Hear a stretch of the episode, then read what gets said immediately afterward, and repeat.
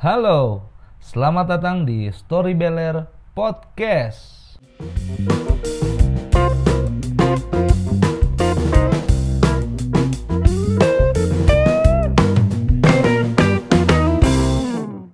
Yo, balik lagi di Storybeller Podcast. Nggak kerasa nih udah episode ketiga. gue ngomong gini kayak episode gue udah seribu aja tapi nggak apa-apa gue seneng banget. Setiap episodenya di Storybeller Podcast pendengarnya makin bertambah. Terima kasih banyak loh yang udah ngedengerin. Jangan lupa di share biar teman-teman lo juga ngedengerin podcast ini dan yang ngedengerin makin banyak lagi. Nah gue selalu ngebuka buat teman-teman semua yang pengen nge-share ceritanya. Entah cerita tentang diri lu eh, keluarga lu, pacar lu maupun kerjaan lu. Pokoknya cerita apa pun lu bisa share ke gua. Kalau lu mau melalui email dannywahyun10 atau daniwahyun10 at gmail.com atau kalau lu malas ngejam, malas nulis, lu bisa buka Instagram gua, lu klik bio gua, itu ada tertera email gua, tinggal lu kirim cerita lu ke gua. Jadi cerita yang udah dikirim nanti akan gue bacain di tengah-tengah sesi podcast ini. Nah, seperti biasa di Storybeller Podcast ini gue selalu mengawali dengan sebuah cerita yang beberapa hari yang lalu baru gue alami. Sebelumnya gue mau ngasih tahu ke teman-teman semua bahwa beberapa bulan yang lalu, dari beberapa bulan yang lalu, gue sudah tergabung dalam program Suci One X Kompas TV atau stand up komedi Indonesia season 9 Kompas TV sebagai tim kombut. Apa itu tim kombut? Tim kombut tuh kayak mentor lah misalkan finalis pada punya materi lalu dikonsultasiin ke kita. Kalau menurut kita ada yang bisa diubah ya kita ubah. Kalau enggak ya tetap kita ubah. Biar kelihatan kerja aja. Jadi gue tergabung sebagai tim komut di Suci One X bersama Rigen dan juga Indra Jegel. Jadi kita bertiga setiap minggunya selalu ke karantina suci yang ada di daerah Selipi, Jakarta. Nah, dari Bogor ke Jakarta setiap minggunya gue selalu menggunakan komuter lain atau kereta ya. Lalu muncul pertanyaan kenapa lu nggak pakai mobil? Alasannya dua. Alasan pertama karena mobil itu itol sama bensinnya mahal. Nah alasan yang kedua emang gue nggak punya mobil. Jadi realistis aja lah gue naik kereta aja nggak apa-apa lah. Yang penting kan jujur gue mau orangnya nggak memaksakan. Ya mudah-mudahan doain aja buat teman-teman semua. Semoga gue cepat punya mobil ya walaupun di awal-awal pandemi banyak banget yang nawarin mobil ke gue yang ngejual mobilnya ke gue salah satunya gue pernah ditawarin mobil Toyota Vios bekas taksi harganya 25 juta. Murah loh tapi gue tolak. Karena pas gue buka pintu masih ada penumpang ya. Kata gue ngapain lo di sini? Turun gitu. Argonya masih muter daripada lu bayar kan? Anyway, gue setiap minggunya dari Bogor ke Jakarta atau ke Selipi itu pakai komuter lain. Dan gue selalu berangkat di hari biasa. Karena kan jadwalnya memang hari biasa kan, weekdays. Dan gue berangkat selalu jam setengah dua siang. Antara jam 1 sampai jam 2 lah gue dari Bogor naik kereta. Biar pas nyampe karantina nggak terlalu pagi juga nggak terlalu terlambat. Naik kereta lah gue nih dari Bogor kan, naik komuter lain nih. Kalau lu naik komuter lain siang-siang itu kondisinya nggak begitu rame juga nggak begitu sepi Artinya banyak orang yang duduk tapi masih ada orang yang berdiri nggak kebagian duduk. Nah waktu itu gue kebagian duduk karena stasiun pertama kan Bogor. Berangkatlah gue nih menuju Jakarta turun di Tanah Abang. Stasiun demi stasiun terlewati, stasiun demi stasiun terlewati sampai akhirnya di stasiun Citayam. Di stasiun Citayam gue lihat ibu-ibu masuk, ibu-ibunya udah lusuh, tua, rentan, berdiri dia nggak kebagian kursi. Terus kan gue ngeliat kayak gitu kan jiwa sosial gue sebagai anak muda yang masih fit ya gue berdiri dong gue datengin ibu-ibu tersebut gue bilang bu silahkan duduk bu. Saya yang berdiri. Dan jawaban dia adalah enggak mas terima kasih. Karena di stasiun Depok saya mau turun. Ini cuma satu stasiun kok deket. Dan lebih apesnya lagi pas gue lihat ke belakang kursi gue udah didudukin sama orang lain. Bahkan yang lebih muda daripada gue di situ gue kesel banget. Di situ gue ngerasa jadi orang nggak enakan. Bikin hidup kita tambah nggak enak di situ tuh gue ngerasa kayak anjing ini gara-gara gue sok-sokan nih nawarin. Padahal belum tentu dia butuh. Akhirnya gue yang kena apes. Penyakit gue dari dulu kayak gitu tuh. Penyakit orang Indonesia pada umumnya. Nggak enakan. Ini gue mau ngasih tahu buat teman-teman semua yang ngedenger. Stop lu berusaha jadi orang gak enakan. Jangan pernah lu berpikir jadi orang gak enakan tuh enak. Enggak Lu jadi orang gak enak malah kesiksa. Contohnya kayak gue tadi. Coba kalau saat itu gue gak terlalu peduli sama orang lain mungkin gue tetap dapat duduk dari Bogor ke, Tan ke Tanah Abang. Tapi karena gue sosokan inisiatif gue ngerasa ibu-ibu ini butuh bantuan. Ya udah akhirnya gue berdiri. Padahal pas gue samperin ibu-ibu itu nggak butuh pertolongan. Nyesel gue di situ. Akhirnya yang kena imbasnya ya gue sendiri.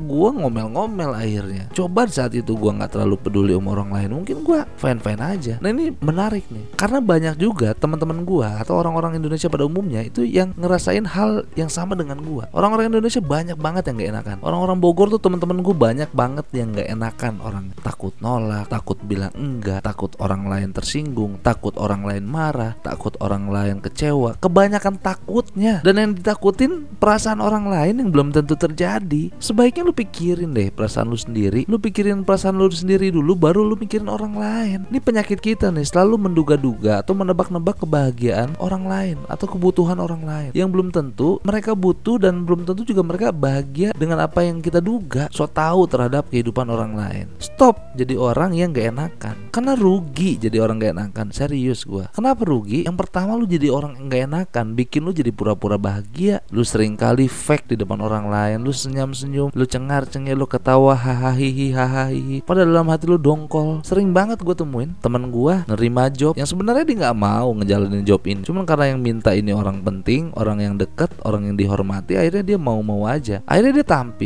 dia ngambil job itu tapi di belakangnya dia ngomongin orang tersebut ya kan sama aja gitu. Kayak lu ngomongin orang tapi lu lakuin juga ngapain gitu. Makanya banyak ruginya itu satu. Yang pertama lu rugi jadi orang yang gak enakan tuh lu jadi berusaha bahagia. Lu jadi fake lu jadi palsu di depan orang lain. Terus yang kedua jadi orang gak enakan tuh ruginya kenapa? Karena lu nggak bisa ngomong tidak. Lu selalu yes man yes man aja. Kalau misalkan ada orang lain yang ngajak lu orang lain yang berusaha narik ke circle teman-teman yang nggak lu sukai tapi karena lu nggak bisa ngomong tidak ya udah akhirnya lu ikut-ikut juga terjerumus terjerumus juga. Makanya kita tuh berhak sebenarnya kita tuh boleh ngomong tidak kita boleh ngomong tidak kita boleh nolak kita boleh untuk tidak mengikuti orang lain itu hak kita.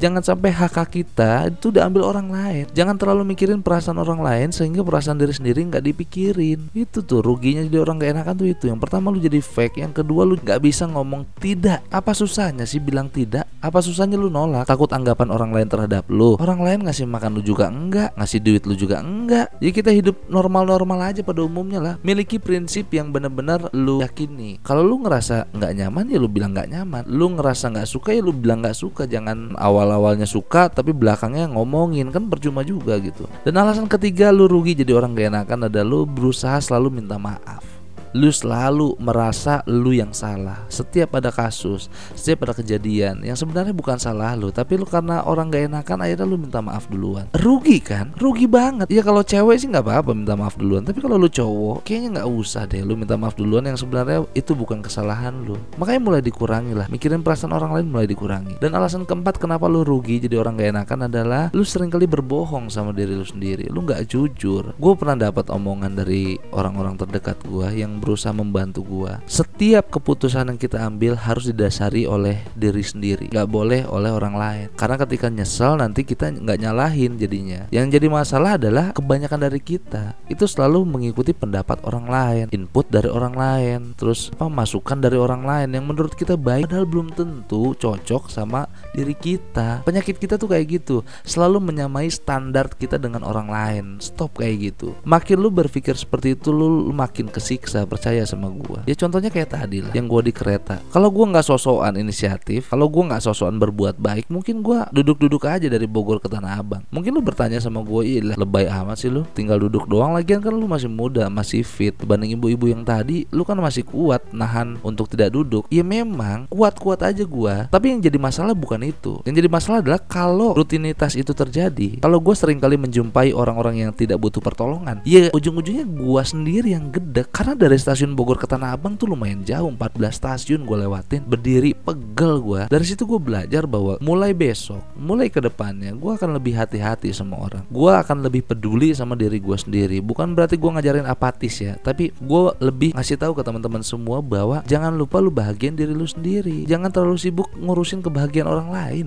Bener dah. Makanya gue di suatu saat nanti atau di kasus-kasus nanti yang terjadi lagi sama gue gue nggak akan inisiatif untuk berbuat baik. Karena menurut gue udah paling benar kita tuh diem. Kalau orang lain butuh ya dia bilang ke kita baru kita bantu. Jadi nggak usah deh lu sosok improve. Nggak apa-apa sih. Kalau lu mau tetap ngerasa jadi orang yang rugi sih nggak masalah gitu. Kalau misalkan lu ngerasa ah gue fine fine aja kalaupun diginiin walaupun terjadinya kayak lu gue fine fine aja ya udah nggak apa-apa. Tapi gue ngasih tahu ke teman-teman semua yang nggak mau jadi orang eh, nggak enakan. Karena menurut gue orang nggak enakan tuh bikin hidup kita malah tambah nggak enak. Makanya stop dari sekarang. Lu bisa ubah perilaku lu pola pikir lu habit lu itu dari hal-hal yang kecil. Contohnya ketika lu diajak teman lu janjian lu diajak teman lu ke sebuah project yang sebenarnya lu nggak mau masuk ke project itu. Ya lu berusaha ngomong tidak. Lu terus terang aja bilang sorry nih gue nggak tertarik. Atau sorry nih gue belum bisa bantu lu. Ya nggak apa-apa nggak masalah. Nggak jadi masalah besar juga buat lu. Yang penting kan lu udah jujur. Daripada lu jalanin tapi di belakang lu tetap ngomongin. Mudah-mudahan sih podcast ini bermanfaat ya karena ini hal yang mengganjal banget di pikiran gue selama ini. Terutama beberapa hari yang lalu tuh. Kejadian banget di gue anjing gue nggak bisa nih diem kayak gini. Gue harus tuangkan keresahan gue menjadi orang gak enakan tuh bikin hidup kita gak enak di Story Beller Podcast. Intinya adalah lu jangan peduliin kebahagiaan orang lain dan lu fokus terhadap kebahagiaan lu sendiri.